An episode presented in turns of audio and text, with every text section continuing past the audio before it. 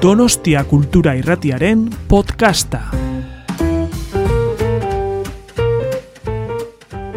Barruan da, emakume zientzialarien argitan izena du eta Eluiarrek eta Donostia Kulturak elkarrekin antolatzen deu eta helburua da e, erakustea edo argitara ateratzia emakume zientzialaria batetik badirela eta bestetik ba, zeharlo desberdinetan dabiltzan eta zer egiten duten eta nolakoa dan haien ibilbidea eta egunerokoa.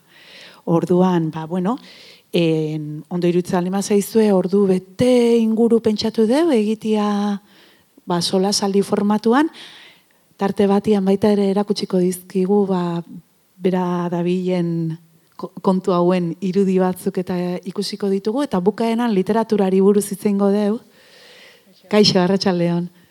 Ba, literatura pixkateren nahi deu aipatu literatura kontuak, azken finean, bi kultura deitzen zaion hori, ba, zenbateraino dan bi, eo ezagutza, dan bat, eta bide desberdina dauden ara iristeko. Bueno, hori ez da datuko dugukaeran, eta ondo irutzen ema zaizue, ba, asingo gogea, eta lehenengo gauza itziar eskerrik asko, e, gonbidapena onartzagatik. Zuei, gonbidatzagatik, Arratxaldeon. Bai.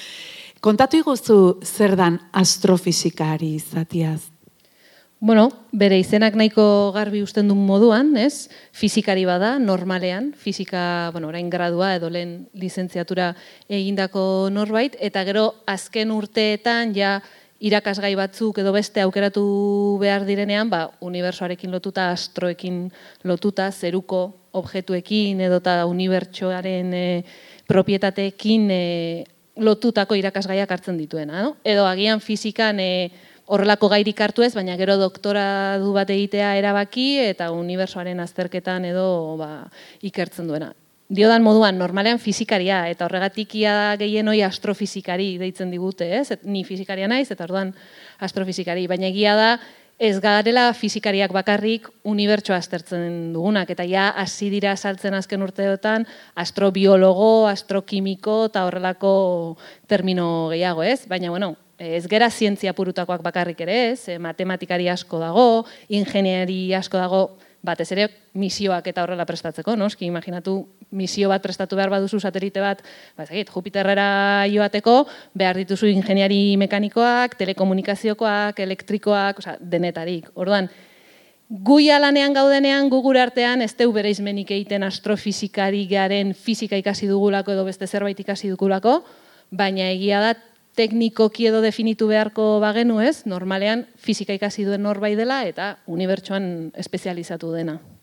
Leno, en, bueno, hemen ginean bitartian hau prestatzen, letretako, letra, letratako jendiare badez zuekin, legelariak adibidez. Bai, hori da, gero eta gehiago. Bai. Ze azkenen, e, nola, bueno, gauzak ere modan egoten dira, ez? Eta azken urte hauetan nola ba, enpresa pribatu asko interesatu diren e, espazioan eta badaukagun SpaceX eta horrelako enpresak gero eta misio gehiago, satelite gehiago bidaltzen dituztenak e, espaziora, Ba, klaro, mm, galdera asko sortu dira. E, edo zeinek egin aldezake hau, ze limiten barruan, eta bar, eta orduan, araudi berri asko garatu behar izan dira, edo oraindik garatzen ari dira, eta horrek ja zuzenbidearekin jotzen du. Orduan, gero eta abokatu gehiago ditugu, ba, honetan ere espezializatzen direnak, espazioan, eta eta ze jokaera izan behar dugun denok, ba, dena ondo joateko eta ez azerretzeko elkarrekin, eta gero ondorio txarrik ez, ez izateko. Así que bai, gero eta letrako jende gehiago.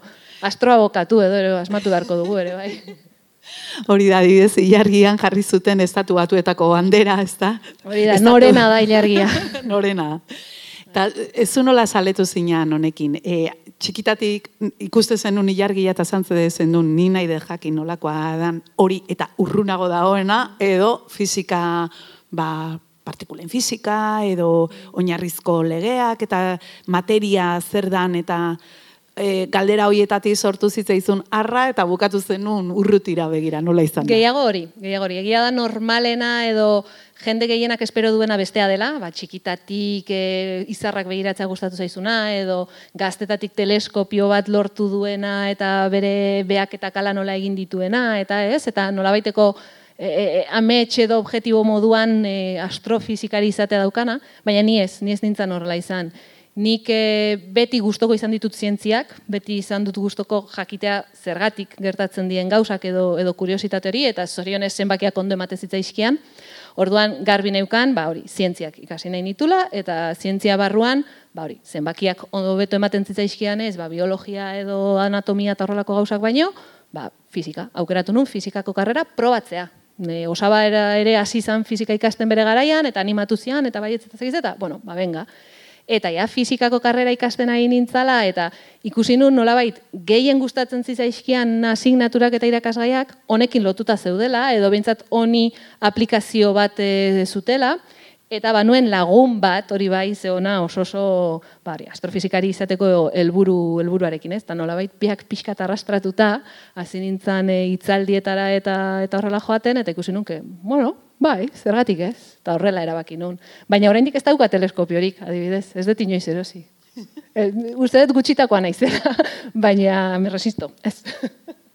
Baina ze garrantzitsua da neukitzia urbi, e, ba, askotan izaten dira irakasliak, irakasleren baten, ba, motibatzen zaituna, e, e, hori lagunak, eta etxean ere bai, lagundu zizuten bai. ba, fizika. Nik badukat horrekin lotuta anekdota txiki bat, uste ez dizutela inoiz kontatu eta gustatuko zaizu, E, batxillergoan nere garaian behintzat, e, eta suposatzen dut orain ere antzeko zerbait egingo dutela, pasatzen ziguten olabaiteko galdetegi bat, laguntzeko ikusten, ba, zuk oraindik ez bazen garbi, e, ze gustatzen zitzaizun, edo zer ikazen ekaen, eta bai, ez? Eta ematen dunez, batzuei oso argi geratzen zitzaien galdetegi hoien erantzunan, ez, ez zuk letretatik joan behar duzu, eta ez dakiz zer, edo zuk ingeniari izateko perfila dakazu, eta ez dakiz zer. Nere tutorak hartu zian, eta zentzian, itziar, zuk danetik, zuk danetik. Eta beak, esan zian, ziurrenik, zientzietako letra bat egingo ezu, baina idazle ere izango zea. Hori baindik ez dut lortu. baina da bai da gauza bat, bueno, zugak izan moduan bueltaka edo ibiltzen dana, beti gustatu izan zaitena, eta bueno, haindik posibilitatea hor dago, hor dago. Dudi gabe, ba, zientzialari asko ezagutzen ditugu, divulgatzaile oso oso bikainak izan dianak, eta justu arlo honetan karzagan, ez? Da burura torriko zaigunetako bat, ia... Bai, izatez, karzaganen e, kontura, beak, e, bueno, fama undia undia irabazizun, divulgatzaile moduan, ze divulgatzaile primerakoa izan zen, bere kosmos bildumarekin eta eta bar, baina zientzialari moduan ere bai oso nahi izan zen bera izan zen adibidez lehenetakoa esaten e, artizarrean Venusen gainazalean ezinezkoa dela, be, berotasunagatik eta presio altuegatik eta, baina igual atmosfera hor dauden odei hoietan, igual bizitza egon zitekela, ez? Orain daraia hogei hogeta marrurte. Eta, eta gaur egun berriz bueltatu gea idea horretara, eta oain zientifikoki ikertzen eta aztertzen ari garen gauzetako bada. Ordan bera, zientzilari moduan ere bai oso nahi izan zen, baina gehiago geratu zaigu dibulgatzaile irudi hori. Hori da, ba, bueno, e, ba, auskalo, eh, zure bilbide honetan, ba, ze, ze, ze bide jorratuko dezun, eta nundik bukatuko dezun, azkenean egiten ibilbidea, baina Hasi, hasi zen un hori, fizika ikasten, gero astrofizikan espezializatu zinan, ez da? Nola egin zen un hori, noa juntzinan? Ba, esan dute moduan, hasi nintzanean eh, astronomia munduarekin eh, interesa izaten eta lagun honekin eh, itzaldi batera eta bestera joaten, gure herrian zarautzen, badaukao astronomia talde txiki bat, urtero itzaldiak eta sortzen dituztenak. Arkamurka. Arkamurka. Kiden hau nahi zena orain, noski. Eta, eta bueno, oietako itzaldi batera joan nintzen, e, Iruñako planetarioko Javier Armentiak emana, eta egin zioten galderetako batean, berak aipatu zuen, jo, ba, nik honren erantzuna ez dakit, baina e, Euskal Herri mailan badaukagu astrofizikari paregabe bat, Bilbon, e, unibertsitatean lan egiten duna, Euskal Herriko unibertsitatean, Agustin Sánchez Labega. Ja, está. Osea, hori izan zen, izena entzun, da, ba, ara noa, ba, ara noa, eta galdetu behar diot, abernik e, astrofizika ikasi nahi bat, ba, zein behar duten, da ze gomendatze egiten eta berekin hitz egitea joan nintzen, bera, bueno, ateak zabaldu zizkian eta egon ginen ordu erdi edo ordu bete luze hitz egiten, eta berak esan zian, e, distantziak ez bai izu atzera botatzen, Tenerifera. Tenerifera, Universidad de la Lagunara. Zer eh, Tenerife, Edo, jumer dezu Tenerife ikastea, uf. Bueno, batzuentzat ez da erresa, eh? Uarte bada, eh? Ez pentsa, bere desabantaiak ebadazka, eh? E, eta hori bai, ba, joan nintzen. Eta orduan, lizentziatura egia da bukatu nuela, orduan ere fizikako lizentziatura e, la lagunako unibertsitatean da, naiz eta lehioan hasi hasi nuen, baina hori, Agustinen e, aholkoa jarraituta, ba, bi urte, tenerifen. Ba, Agustin, bueno, ezagutuko dezu igual, ezaguna egingo zaizue, askotan ateratzen da, ba, em, baita Nature Bai, bai, lau portada ditu, Nature, bai, bai, bai, bai. oso, e, bueno, lehen mailako zientzialaria da, eta oso komunikatzaile ona, eta oso pertsona hurbileko eta jatorra, eta Bai. gozamena da berekin hitz egitea, eta elkarrizketatunetako batian, e, esan zian, galdetu nion, ia zein izango litzateken bere ametsa, ba, bere ibilbidea irauten duen bitartean, ze iraultza ikusi nahiko zukeen.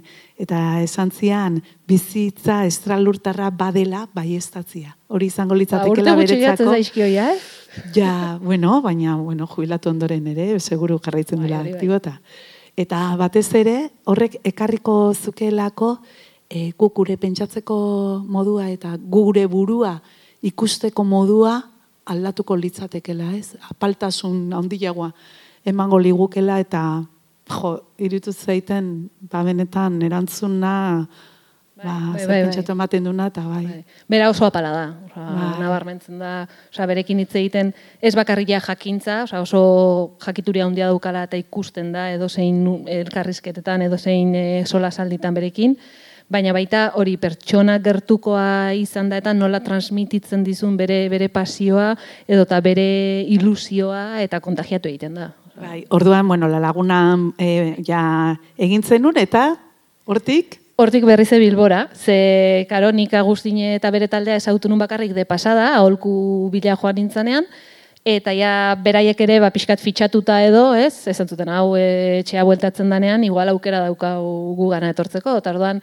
amua bota ziaten, bueno, interesatze bat zaizu, igual doktorego bat egiteko aukera badakau, eta tal, eta ni, ah, bai, bai, bai, bai. eta, eta horrela, orduan ja etorri nintzen doktorego beka batekin, Agustinen eh, taldean, zientzia planetarien taldean, e, artizarra ikertzera. hori da, eta artizarra gainea, bueno, da planetarik, em, bueno, e- ez egu esango xelebria dela, baina berezitasun asko ditu, eta erakargarria da, ez da? Hombre, nik zezangoet, baino, bai. Bueno, baina bestela ere, ez? Bada, lehenengoa ikusten dana iluntzen dunean, eta azken hausten deguna ikusten eguna argitzean. Horregatik bakarrik? Bai, da, eguzkia eta ilargiak enduta, noski tamaina handia dutelako gure perspektibatik, zeruan ikusi dezakegun hirugarren objekturik eh, brillanteena edo dizdiratsuena. Eta izatez horrexeatik urte askoan pentsatzen zen izar bazala, euskeraz mantendu du izar kutsu hori, artizarra izenean, baina lehen beste hizkuntzatan ere bai, Lucero del Alba, ingeleseko Evening edo Morning Star, deitzen zitzaion izarra. Jakin genuen arte e, argi dizdiratsu hori etzala izarra, baizik eta planeta zala, ba, denbora, denbora asko pasazuelako. Baina, bueno, bere xelebrekeria hundienetakoak ez dia, ez da hori. E, artizarrak alde batetik e, ez du bira egiten, bere buruari e, bira emateko errotazio horretan, alderantziz doa. E, eta eguzki sistemako zortzi planetetatik, sei alde berdinera doaz, lurra, lurra barne. E, gaz, e, Neptuno edo uran oraintxe naiz gogoratzen, uste dut urano dela, baina bueno, e, dago etzan da bezala, euneko laro eta marrean eta orduan ematen du bira pixkate gora bera izango balitz bezala, eskerre edo eskuin izan beharrean, ba, bera. bezala. Hori da, hori da. Eta artizarra da justu hori, beste, beste aldera. Eta da pixkat arraroa, ze planetak eguzkiaren inguruan nola biratzen duten begiratzen baldin badugu, hori bai denek nora, norantzko berdinean egiten dutela. Eta oso arraroa da azaltzen, oraindik ez dakigu izatez, zergatik artizarraren kasuan, eguzkiaren inguruko bira bai egiten duen beste planetak bezala, bueno, hori azaltzen erresa da, baina zergatik ez, gero bere errotazio propioa. Edota zergatik, errotazio hori oso oso mantxoa da, eta beraz, berak behar duen denbora eguzkiari buelta bat emateko, hau da, urtea definitzen duen e, bira hori, askoz laburragoa den, bere buruari buelta bat emateko behar duen denbora baino. Orduan, artizarrean urtea laburragoa da eguna baino. Eta beste xeleberrekeria asko ditu, baina bueno, ez naiz luzatuko. Zeni artizarra zitzaiten jarte bana. naiz. E, bai, bai, baina utziko dizugu, eta gaina, en, artizarraren xelebrekeria hoiek edo berezitasun hoien guztien artean, zuk batez ere e, begiratu zenion, haren odeiei edo, bueno, kontatu iguzu Bai, pixka zien- ze... Zientzia planetarioen taldea, Agustinek zuzentzen duen taldea, da e, atmosferak ikertzen dituen talde bat. Osea, eguzki sistemako planetak aztertzen ditugu, lurra izan ezik, edo eta Merkurio izan ezik ez duelako atmosfera, ze hori da gure, gure espertiza edo gure, gure jakintza, ez? Atmosfera kastertzen ditugula, ez geologia, ez gainazala, eta, eta bar. Ordan, artizarraren atmosferak ere baditu xelebrekeri batzuk, gehien aipatzen dana edo gehien ezagutzen dana da oso azkar doala, oza, planeta bera esan dudan moduan oso mantxo doa, baina atmosferak buelta ematen dio planetari lau egunetan. Oza, planetak berak behar ditu berreunda berrogei egun bere buruai buelta emateko, baina atmosferak ematen dio buelta lau egunetan. Ordan, oso oso azkar doa eta ez dakigu hori nola sortu zen. Bai nola mantentzen den, baina ez nola sortu zen. Eta klaro, zirkulazio guzti hori, aizearen ikidura guzti hori, poloetara iristen denean, ze ekuatorean, bueno, distantzia badaukazu egiteko, ez? Aizeak badauka perimetro guzti hori buelta mateko, baina ja, poloetara iristen zarenean hori nolabait itxi egin behar da. Eta sortzen dira zurrunbiloak, komuneko lababoan urak egiten duen moduan, baina ba, atmosferan, odeian. Eta artizarrak ditu, bi poloetan, bakoitzean bat, ezagutzen ditugun zurrunbilo aldakorrenak. Egunero forma ezberdin badauka, aurpegi ezberdin bat erakusten digu, ez da Saturnoko poloan daukagun hexagonoa bezala beti hexagonoa dela, edo Jupiterren poloetan ditugun zurrunbilo borobil perfektuak, eta beti dira borobilak, eta beti ez honek, batzutan, hola, obala, obalo forma dauka, luzatua da, bestetan borobila da, bestetan beso batzuk bezala ateratzen zaizkio, ordan oso oso aldakorra da, eta hori ere ez dakigu esplikatzen oso ondoro zeigatik. Gainera da, ikaragarria handia, osea, ez pentsatu dalei, hola, zerbait, e, bauri, komuneko e, lababoako tamainakoa, ez da? Gure Europa kontinentearen tamainakoa zabalean, eta guk dakigula vertikalean hogei kilometro gutxien ez. Eberestak bederatzi ditu. Osa, hori, biko, hori baino bi aldiz gehiago, guk dakigula, gehiago izan dezake. Eta ala ere egunero aldatzen da. Orduan, nik hor barruan ez dut nahi egon, bazpare. Hala ere, ontziak eta bidali dituzte? Horrelako bai. atmosfera e, arriskutsua, e, ezaguna eta arraroa izan da?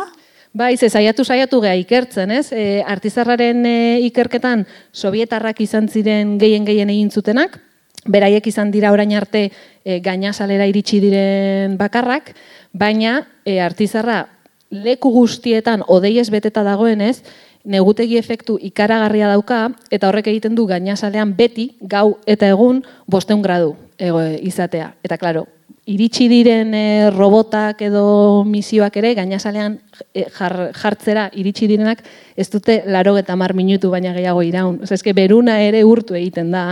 Orduan, Sovietarrak iritsi ziren, baditugu datu, datu batzuk, eta horra iristen ziren bitartean, atmosferan e, gesten ari ziren bitartean ere, badatuak hartu zituzten. Edota beste misio batzuekin, baina sovietarrak ere baita, bai bidali zituzten e, basundak edo esaten dana, gainazalera iristeko helbururik gabe, baina bintzat e, atmosfera ikertu zutenak ez, baina oso gutxi.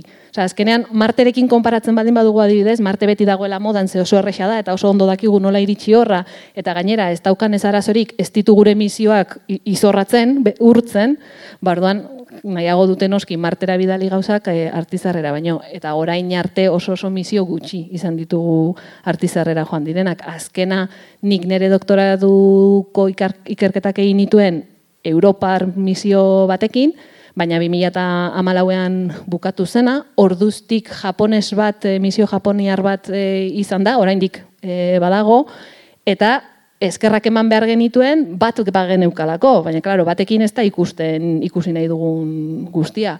Zorionez, ez dakit enteatu zaten, baina aurten, bai erabaki dela, bai Amerikarrek nasak eta baita Europearrek berriz joango garela artizarrera, eta ziurrenik hemendik amar bat e, urtetara, hiru misio izango ditugu batera. Eta dago, como, wow, marten ditugu dozena bat denbora guztian. Baina gu artizarra ikertzen dugunak hiru izango ditugulako gaude como wa wa wa hau, hau da nerea, hau nere momentua. Ta martekoak begiratzen digute como hiru misio.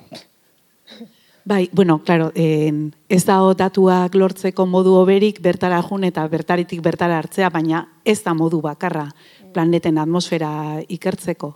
Ez ez, lurretik, lurretik egiten ditugu, bai, bai, lurreko e, teleskopioekin eta zerbait egin daiteke, baina noski, oza, ia bakarrik imaginatu irudien kalitatea, ez, bere izmena edo erresoluzioa, ez da berdina, hemen lurretik hartzen deun irudi batean, edo ja misio batekin satelite bat bidali eta han planetan inguruan biraka orbitatzen ari den kamera batekin, ez? Baina bueno, hori ez daukasunean, ba, daukasunarekin egin behar duzu lan eta eta lurretik egiten da. Guk adibidez, e, bueno, Bilbon daukagun teleskopio txikiarekin e, planetak ikusi daitezke, baina ez dauka bere izmena handia, gainera San Mames ondoan gaudenez, ba, egun erditan ezin duzu ez partida da honean ja astu, baina teleskopio profesionalekin lurrekoak, ba, Hawaiien daudenak edota Tenerifen daudenak, egiten ditugu gure behaketak, eta irudi horiek erabili behar direnean, horiek erabiltzen dira, alden guztia neurtzeko, baina bueno, beti gustatzen zaigu, batez ere gertu ditugun objektu hauek, planeta hauek ikertzeko, ba, misioak bidaltzea eta horko irudiak eta datuak erabiltzea, beti izango dira hobeak. Eta gainera, ez daukate, nolabait gure atmosfera tartean, ze guk lurretik behatzen dugunean, be lurrean daukagun teleskopio bat edo erabiltzen dugunean, argiak, planetatik edo izarratik datorren argiak berdin dit, gure atmosfera gurutzatu behar du, eta horrek aldatzen ditu gauzak pila bat. Horregatik ere jarri genuen Hubble teleskopioa espazioan eta izan zen e, ikaragarria.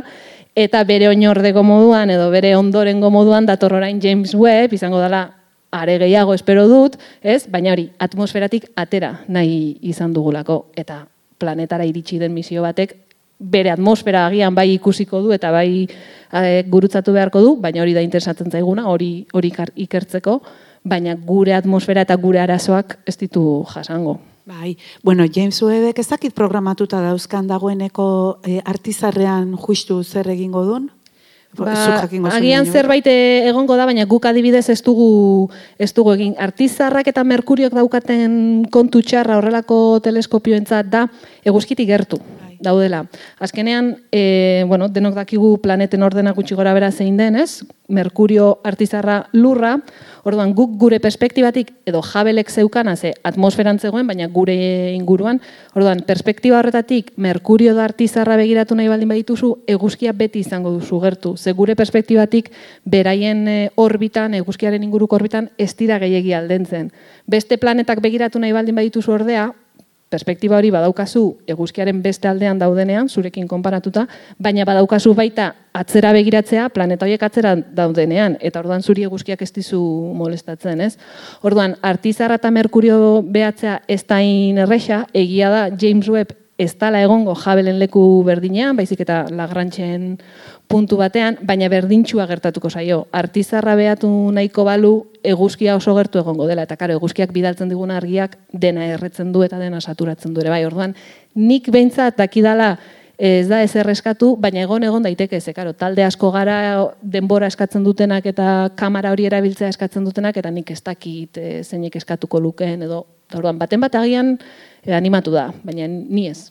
Eta damutzen zaizu artizarra aukeratu izana, Marte partez edo, edo beste... Ez, nahi berexia izatea gustatzen zait, aunque gero igual gauzak zailtzen ditu, ba hori ez, misio gutxiago dituzulako eta lankide gutxiago dituzulako hortan lanean, baina Marten jende gehiagi dago, eta orduan... E, bueno, bai, hori, abantaia badauka, gauzak aurrera ateratzen dira eta Marte asko sobeto ezagutzen, ezagutzen dugu.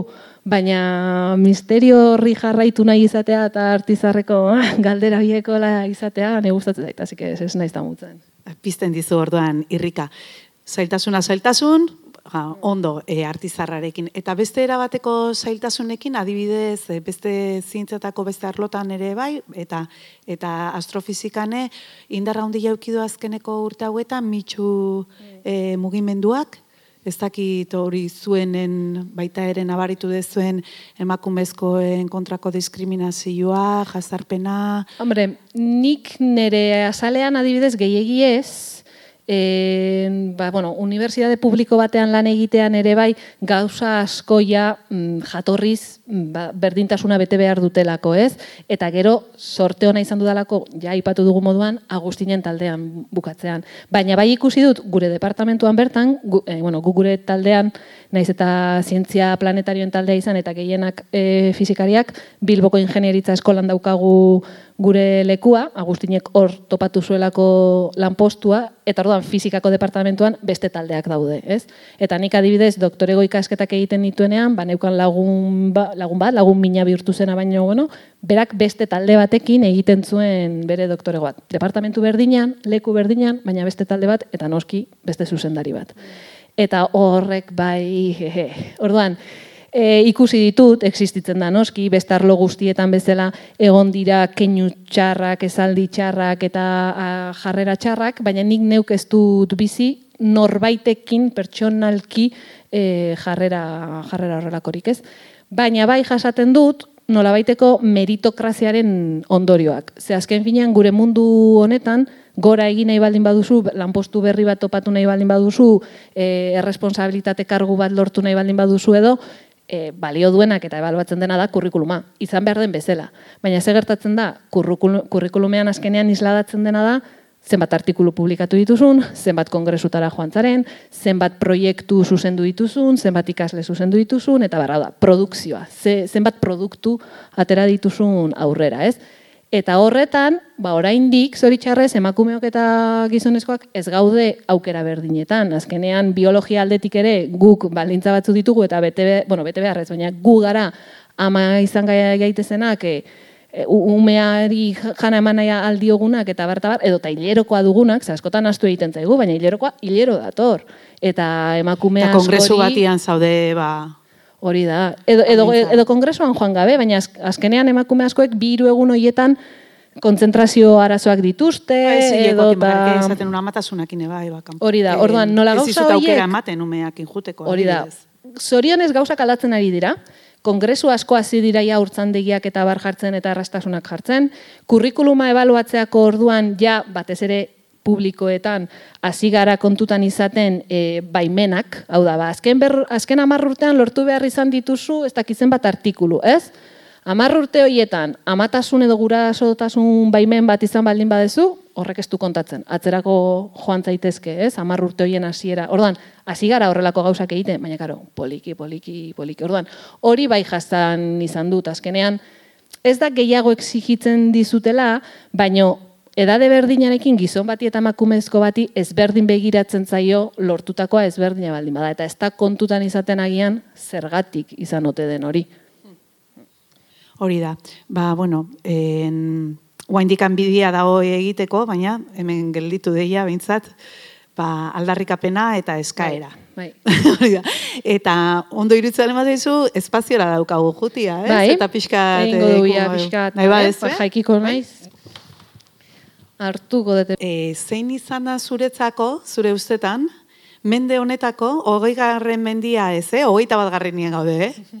mende honetako, e, aurkikuntza edo aurrera pen edo lorpen zirrara garrien hola zuretzako, wow. Bai, ba, niretzat bi hauek, Eta gainera, e, ez naiz mendean atzera joan behar izan, ze azkenengo markadakoak dia, bai. biak. Baina agian e, ez dialako nere arloarekin bat bat datozenak, ze esan dudan moduan, nik artizarra ikertzen dut, planetak, ez? Eta bi e, lorpen hauek edo aurkikuntza hauek kosmologiarekin daude lotuta, energia oso altuko gertaerak eta eta bar, baina 2016 garren urtean lehenengo aldiz detektatu genuenean uin gravitazional bat, Hau da, bi zulo beltz eh, elkartzen ari zirenean sortutako uinak detektatu ziren, bagenekien existitzen zirela, zeharka neurtuta genituen beraien ondorioak eta bar, baina hau izan zen lehenengo aldia bene-benetan eh, detektatu zena eta zuzenki existitzen direla probatu izan dena. Ez?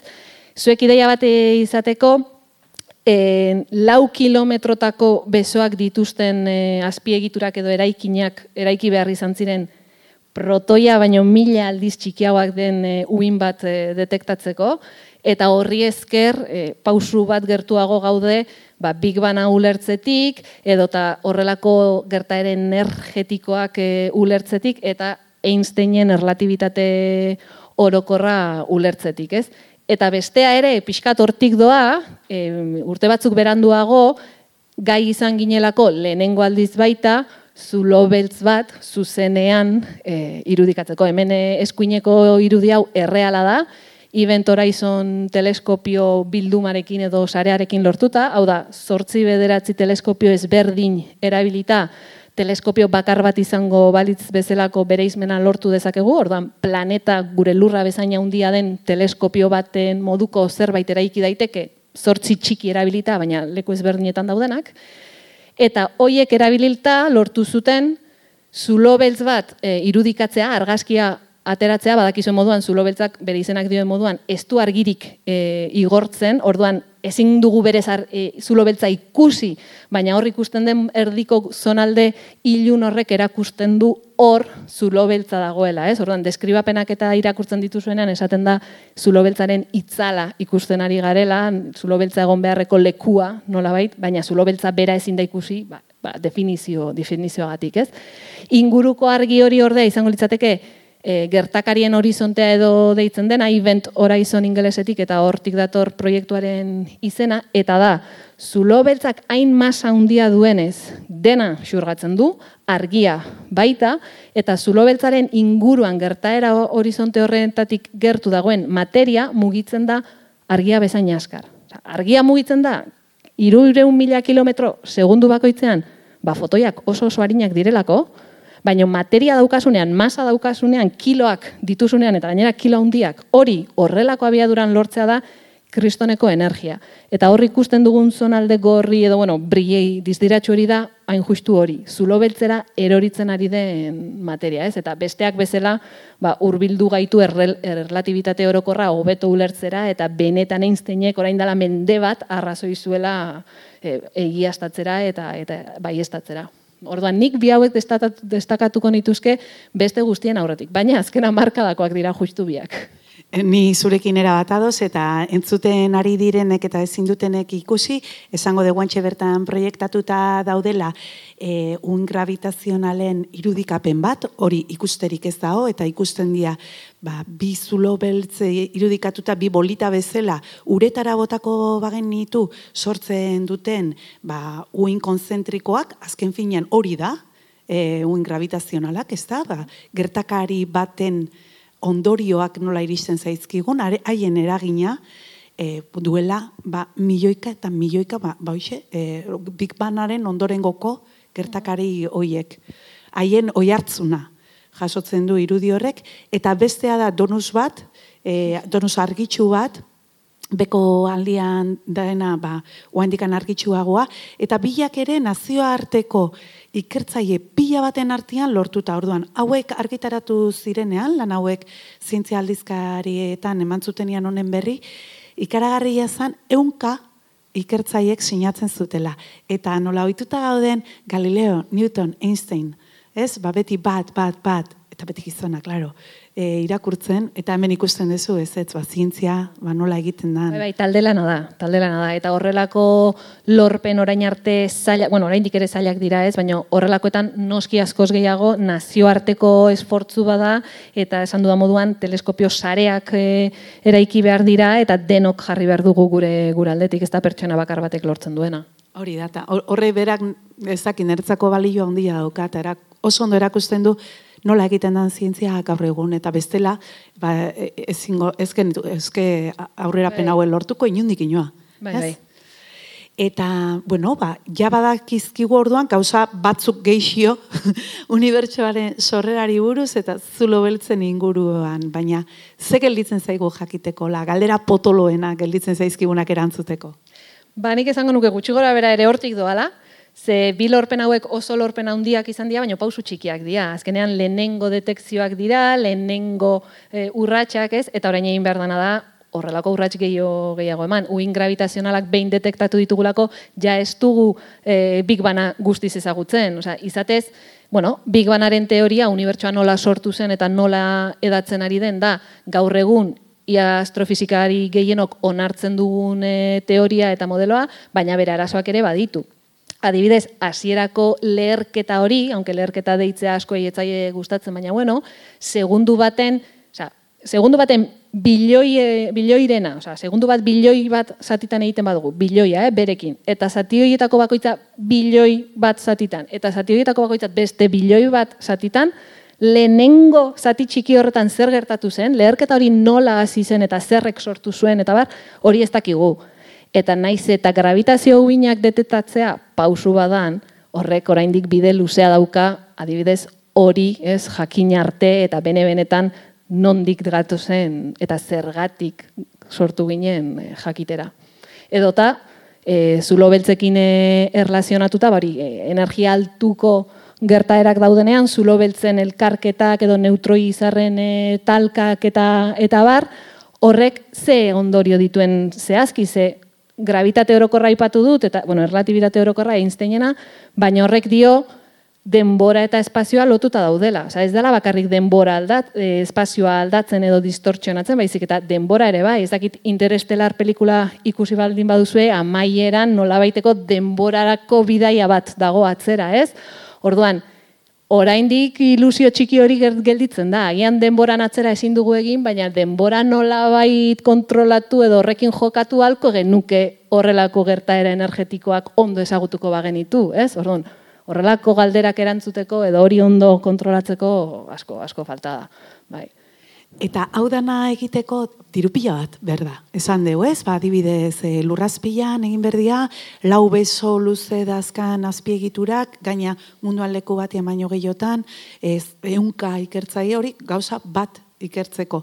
Eta e, ze onura ekartzen duen zergatik e, merezi digu gizarteak zergatik inbertitu berdu hontan?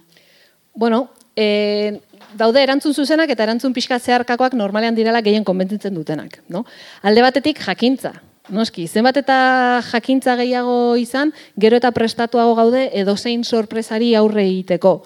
Bai astronomian, bai, bai beste arloetan. Orduan, astronomian izan ditzakegun sorpresak, aunque aurte, oza, ja gara hauetan ezain beste, ez dira egun batetik bestera etorreko diren sorpresak, baina bueno, guk ez dugu nahi adibidez, dinosaurio gertatu zitzaiena berriz gertatzea, ez? Orduan, meteoritoak eta bar, ondo kontrolatuta eukin nahi ditugu, zer dagoen horrin guruan, gugana dato zenela ez, orduan, hor, gure segurtasun aldetik inbertsioak egitea normalean ulertzen da eta eta onartzen da. Pelikulak eta dena egiten dituzte. Hori da, hori da, kontzientziatzeko jendea. Ez gora, ez, don, don la eta... Bai, hori da. Eta gauza antzekoa ba, e, eguzkiarekin, ez? Eguzkia denbora guztian partikulak e, igortzen ari da, eguzkiek kaitzak eta bar deitzen ditugunak, eta lurrera iristen direnean arazoak sort ditzaketenak. Aurorak ere sortzen dituzte eta polita da eta badirudi haize ondo, baina intentsitate handia dutenean ekaitz geomagnetikoak sortu ditzakete eta hor ditugun sateliteak kao, utzi. Eta, karo, gure gaur egungo sateliteen e, menpekotasuna ikaragarria da. Uste Elon Musk ez daula oso gustora, azkeneko ekaitzarekin, ze, bai berreun e, bere e, satelite... Karo, berak jaurti ditu nahi bai. dituen bai. satelite Berreun izorratu zaizkio. Claro, orduan bai zorrai. Baina... kontua penik ematen. Orduan, e, oza, gauza horietako noski ez denok ulertzen dugu gure segurtasunagatik. E, guzkia monitorizatuta izan eta meteoritoak eta bar, bai. Baina normalean inbertsioen aldetik gehien konbentzitzen duena jendea da ikusteak gero hori nola datorren atzera, ez?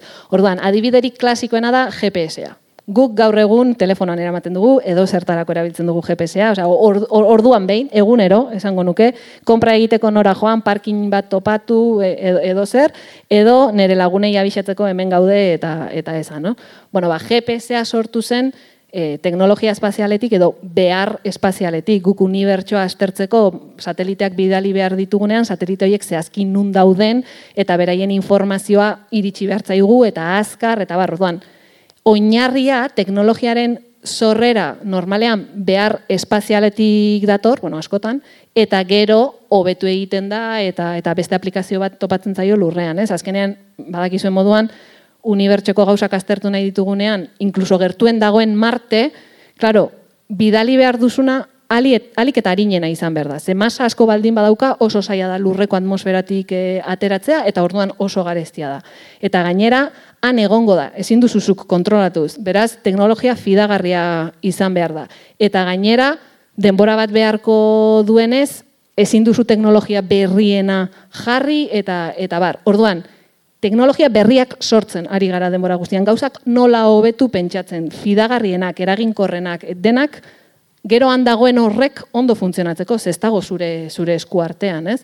Orduan, nik esango nuke espazioaren beharrekin atera ditugula teknologia asko gero lurrean aplikatzen direnak.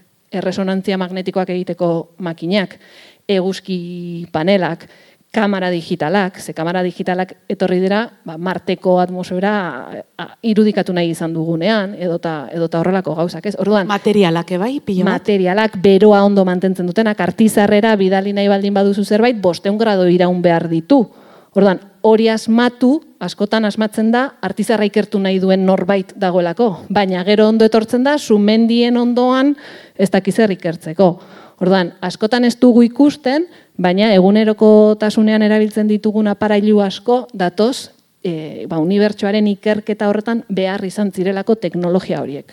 Bueno, ni konbentzitu nauzu, baina lendikane konbentzituta nore zueke, ez dakit, gero galderari bali maukazue egin lasai, eh? Eta martxan dauden proiektuetatik zein iruditzen zaizu erakargarriena? Bueno, hor nik uste dut ja aipatu dudala erakargarri erakarriena zein da, nera artizarra. Eta ja, ja esan dut hiru misio bidaliko ditugula, ez? Orduan, niretzat erakargarriena zalantzari gabe pertsonalki da hori. Egongo dala hemendik hamar bat urtetara, garai bat non hiru misio izango ditugun, gauza ezberdina kastertzen gaina, bueno, nahiko osagarri edo komplementariak bakoitzak, ez?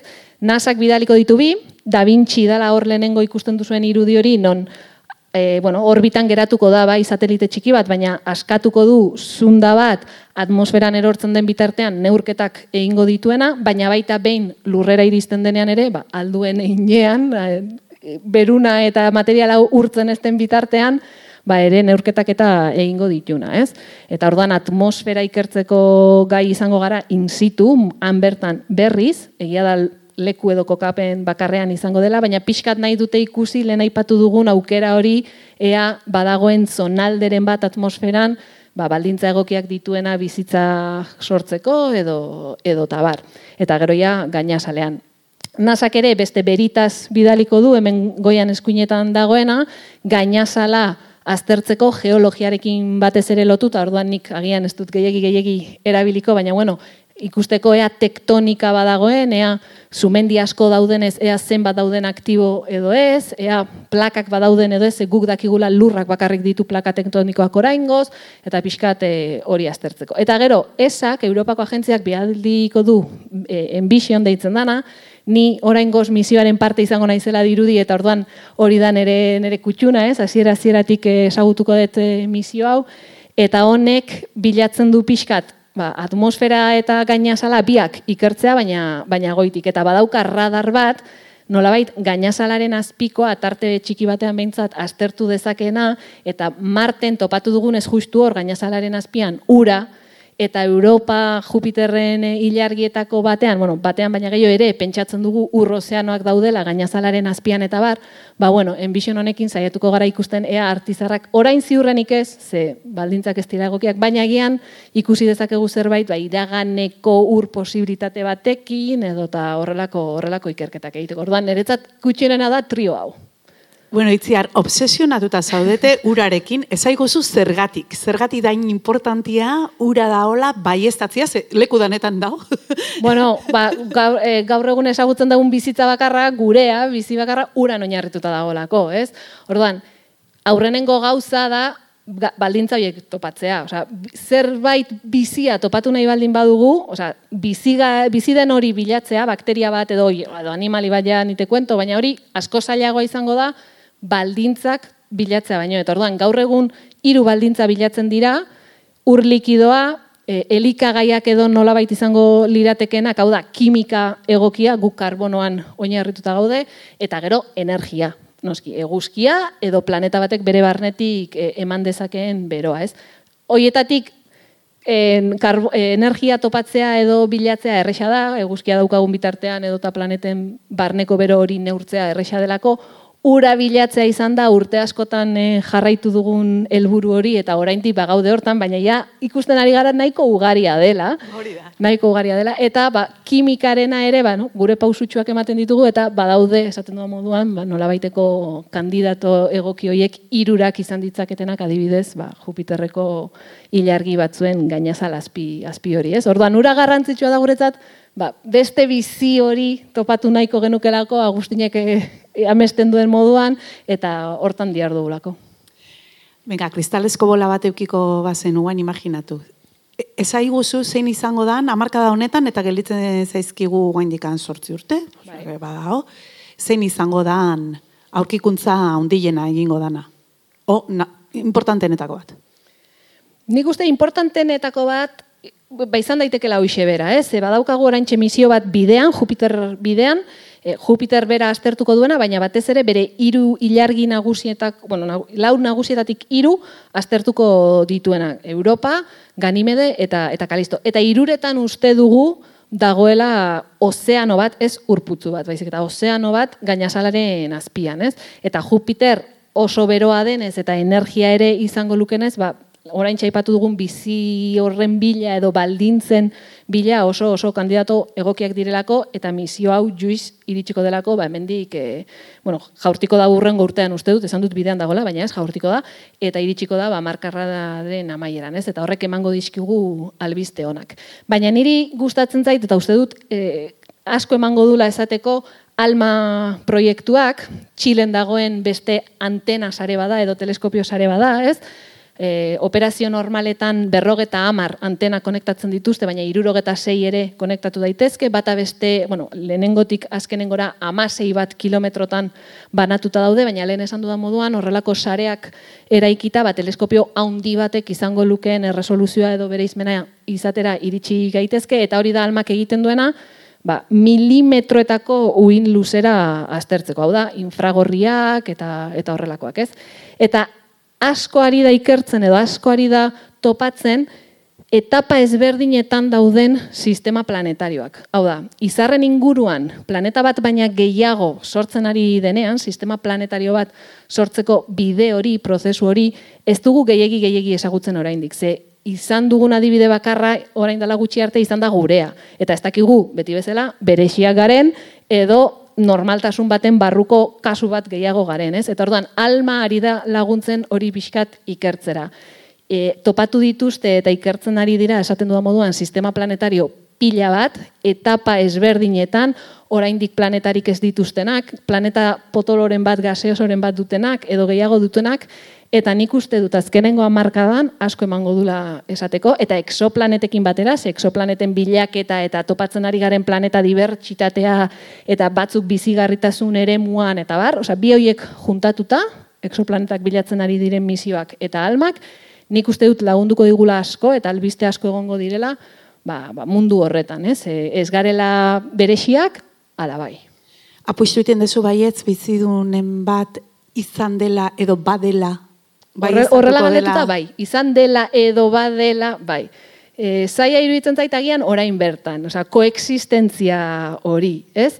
Baina nik uste dut, iraganean noiz baita egon dela, urte asko pasa dira. Eta gure bizitza, unibertsuaren bizitzan izango da arbuia garria. Orduan, unibertsuaren bizitza horretan, aldiuneren batean, momentu batean egon da. Eta bestela egongo da, hori bai. Baina justu momentu honetan, koexistentzia hori da zaila ba, literaturarako ematen du, eta ez dakite nahiko dezun beste zerbait erakutsi, igual bai, ez da? Igual ekarri dezu beste bueno, zerbait. Bueno, ekarri ekarri ditut, nahi adibidez hau gustatzen zaite asko, ez? Ai, bai. Eh, animazio hau exoplanetekin eta izketan ze badirudi askotan exoplanetak eta topatzen ditugunean, topatzen ditugula izarraren aurretik pasatzen didenean, itzal txiki bat egiten dutelako, ez? Eta izarraren argia, ba, jetxi egiten dalako, energia galera hori detektatzen dugulako, baina batzutan ikusi dezakegu zuzenean.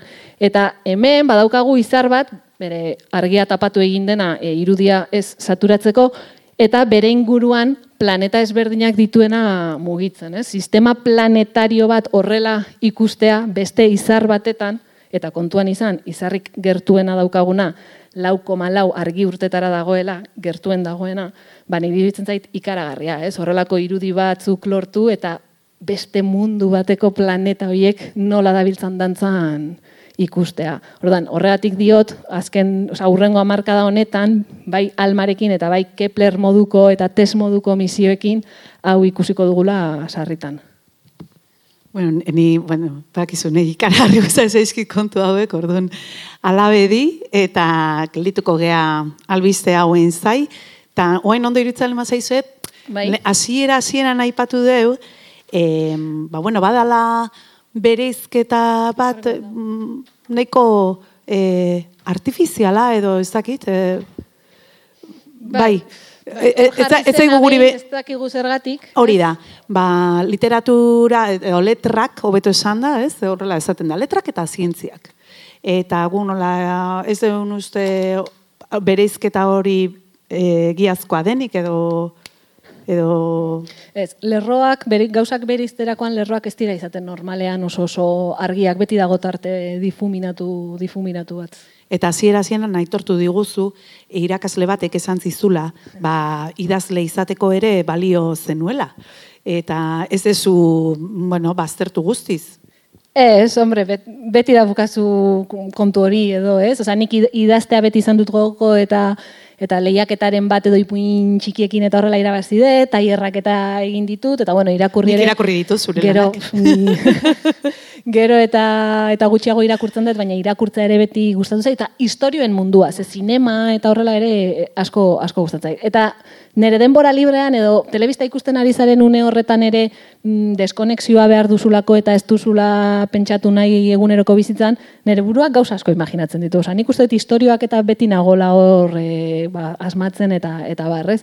Orduan bai, beti izan detolako, bueno, denbora dakaten egunean, igual, xeri beharko nintzateke eta zerbait idatze. Gero hori iritsiko dan eta idaztekotan zer egingo nuken horrekin beste gauza bada. Baina bai, beti izan dut ilusio hori eta oraindik eh, ez dut bete. Eta pixka lotzen dezu hori, egunerokotasunetikan ateratzeko edo beste Bai, nunbaiten jartzeko Bai, burua, ze ez? hainbeste gustatzen zaizkit edo, osea, sartu egiten naizela istorioetan berdin, eh? irakurtzen edo telebistako pelikula bat ikusten edo edo ni hasten naizenean nire kontuak eh, imaginatzen. Nahi gabe sartu egiten naiz istorioan. Orduan astu egiten ditut egunean zehar izan dituten arazo, estres edo dena delakoak. Batzuk adibez nera izpa deskonektatzen da korrika egiten. Eta horregatik maratoiak egite ditu. Ba, ba, nik ez. Nik ez, nik e, hori, ba, pelikula bat jartzen dut, liburu bat hartzen dut, edo idazten jartzen naiz, ba, okurritze, okurritze zaiten. Orduan, bai, nola baiteko lasaitasun hori eta deskonexio hori ematen dit, denok behar deuna, ze gaur egungo bizitza ritmoa da frenetikoa.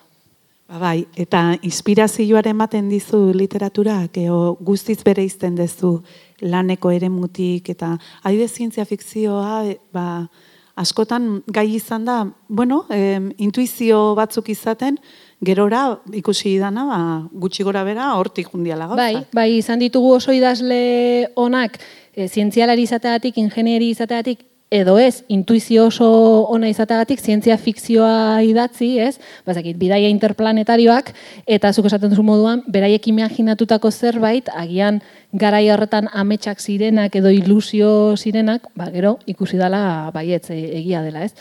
Nik nire kasuan nahiko bereizten ditut, ze oraintxe esan dugu moduan, deskonexio moduan balio didanez, a, a, astronomiarekin edo nire munduarekin erlazio asko baldin badauka, nabarmentzen dut ez detela inbeste deskonektatzen.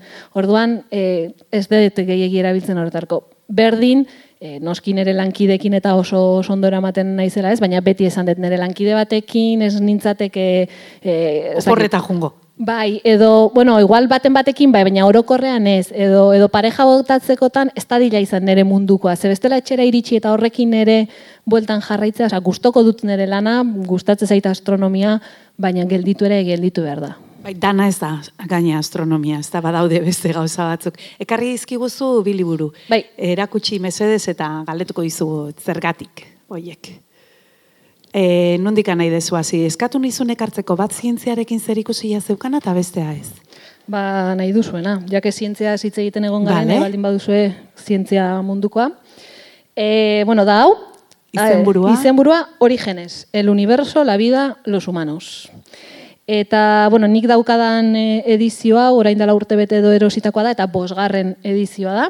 Bestseller bat da, orduan. Bai, gaur egun egongo daia, zeigarren, zazpigarren edo zortzigarren eh, edizioan, divulgazio liburu bada, zientziari buruz egiten du, eta hiru egile ditu. E, Carlos Briones, koordinatzaile lan moduan ere, oza, koordinatzaile moduan ibilia liburu hontan, Alberto Fernández Soto eta Jose María Bermúdez de Castro. Jose María Bermúdez de Castro gainera da Premio Príncipe de Asturias, oso divulgatzaile ona. Carlos Briones da, bueno, pasada bat, niri mm, pila bat gustatzen zait, bere hitzaldi liburu guztia kontsumitzen saiatzen naiz. Eta Alberto Fernández Soto, ba, bueno, liburu hau izan dudanetik ezagutzen dut, aurretik ez, baina ere gustatu zait. Orduan, Niri liburu hau, ei, onartu behar dut, azkenengo zati ez dudala irakurri, oraindik. baina gustatu zait eta gomendatzen dut ze irakurri ditudan bi zatiak, ez? Egile bakoitzak zati bat idatzi du, lehenengoak fizikariak Albertok en, kosmologiari buruz, unibertsoaren e, jatorriari buruz, Carlos Brionesek biokimikaria izan da, ba, biziaren e, sorrerari buruz, ADNA, RNA, Luka Arbaso amankomuna, eta bar, eta hirugarren zatia, daia, gizakion e, sorrera, eta bueno, lehenengo primateetatik ona nola iritsi garen, eta ber, ba, paleontologo batek idatzia, ez?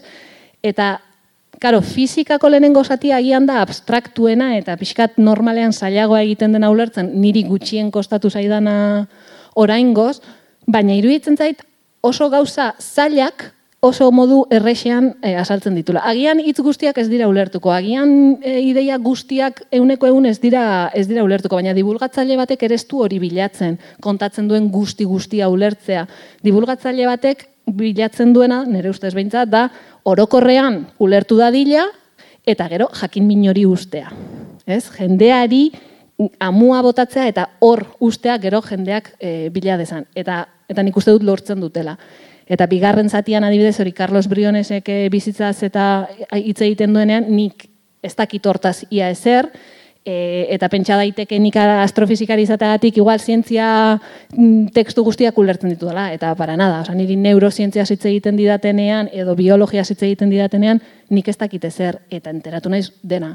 Bale, ez dituko goratuko gauza guztiak, eta terminologian batzutan galtzen naiz, baina orokorrean, oza, enteratu naiz guztiataz, eta eta ez da nere, ez da nere mundua, eta ziur naiz hirugarren satia ere berdin-berdina dela.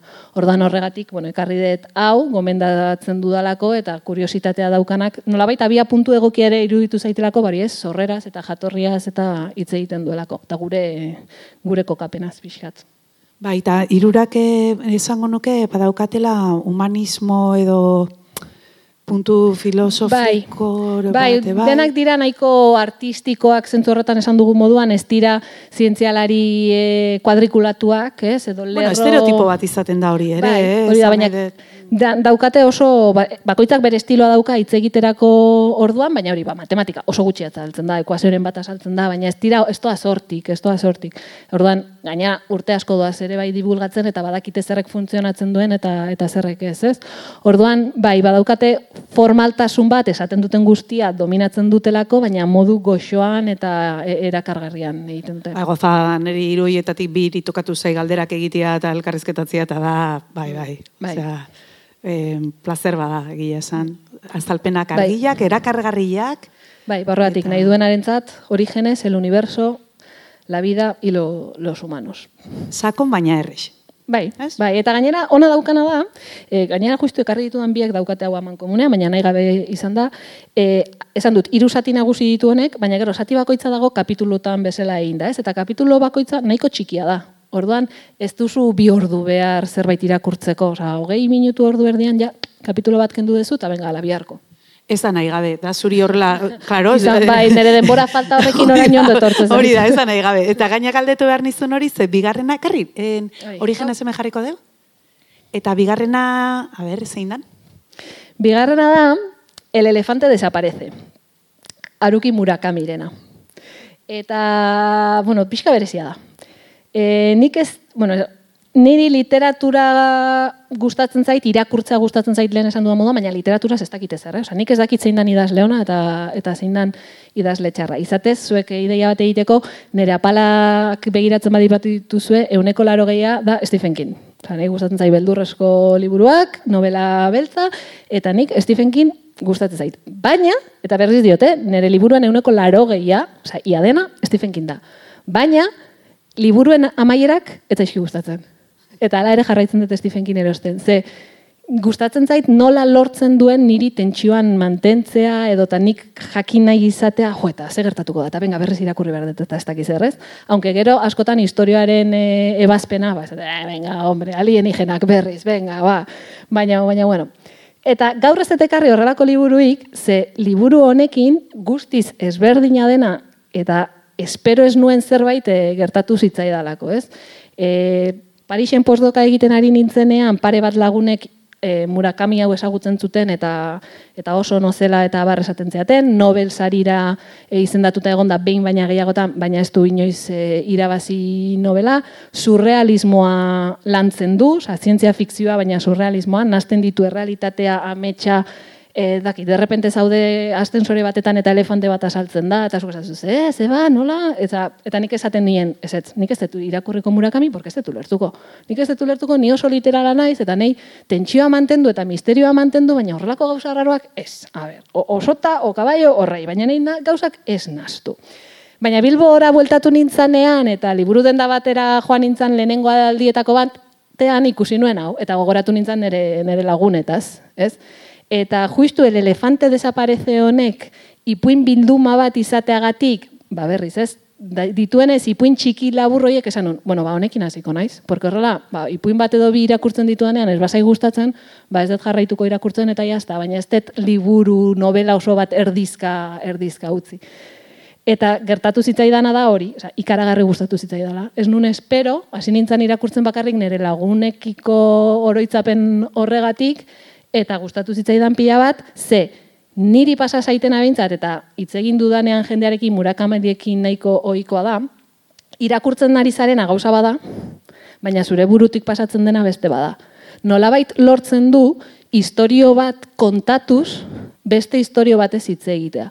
Osea, noski bakoitzaren esperientziaren arabera izango dela eta zuk momentu horretan dituzun zure burua usteen araberakoa, baina nik ba hori, protagonistaren ametsak edota errealitateak eta irakurtzen nituenean, nolabait nere bizitzarekin lotzen nun eta nere bizipenei buruz pentsarazten pentsarazten zian. Orduan nolabaiteko sakontasun hori topatu nion, Stephen King ez diotena topatzen eta uste nuen ez zitzaidala gustatuko surrealismo horregatik, baina surrealismoari nere errealitatearekin lotura gehiago topatu dio dalako eta horregatik ekarri dut hau.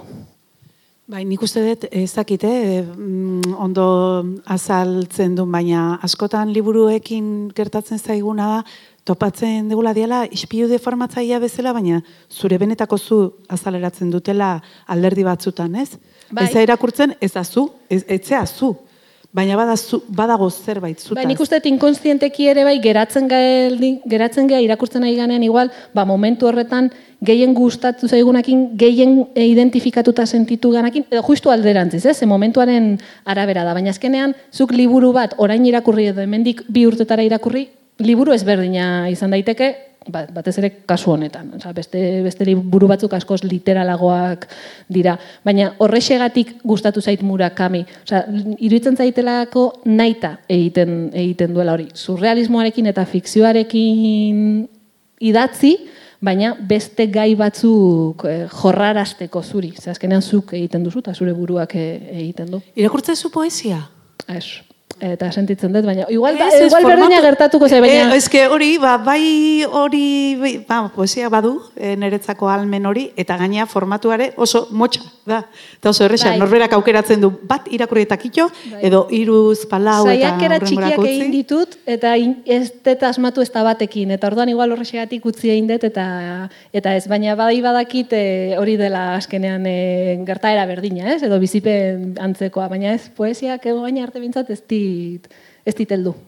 Jakin mila gati izan, eh? naiz etxeko lana jartzen nahi, inondik. Ez, baina bai da pixkat eh, pena ematen dian puntu eretako bat, ze, berez gustatuko litzaidak jak, irakurtzea eta disfrutatzen jakitea, baina ez dakitu edo ez dut lortzen. Eta zuk idaztekotan idatziko zenuke intrigari eusten, zai, o, intriga sortzen duen zerbait, e, zerbait surrealista edo harakatuko duena norbaiten barruan, edo poesia segurazko ez? Ez, poesia ez.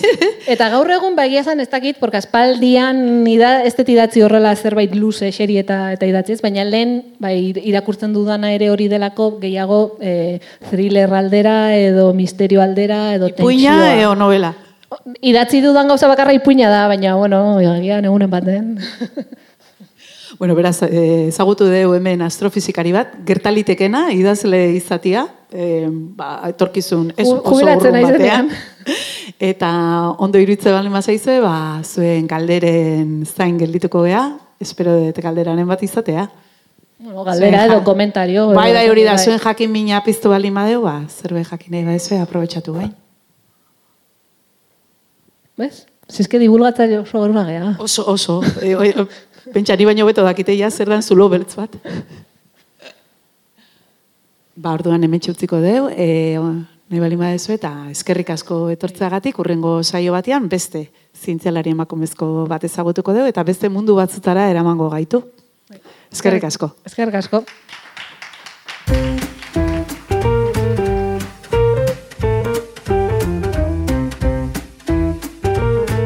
Donostia Kultura Irratiaren podcasta.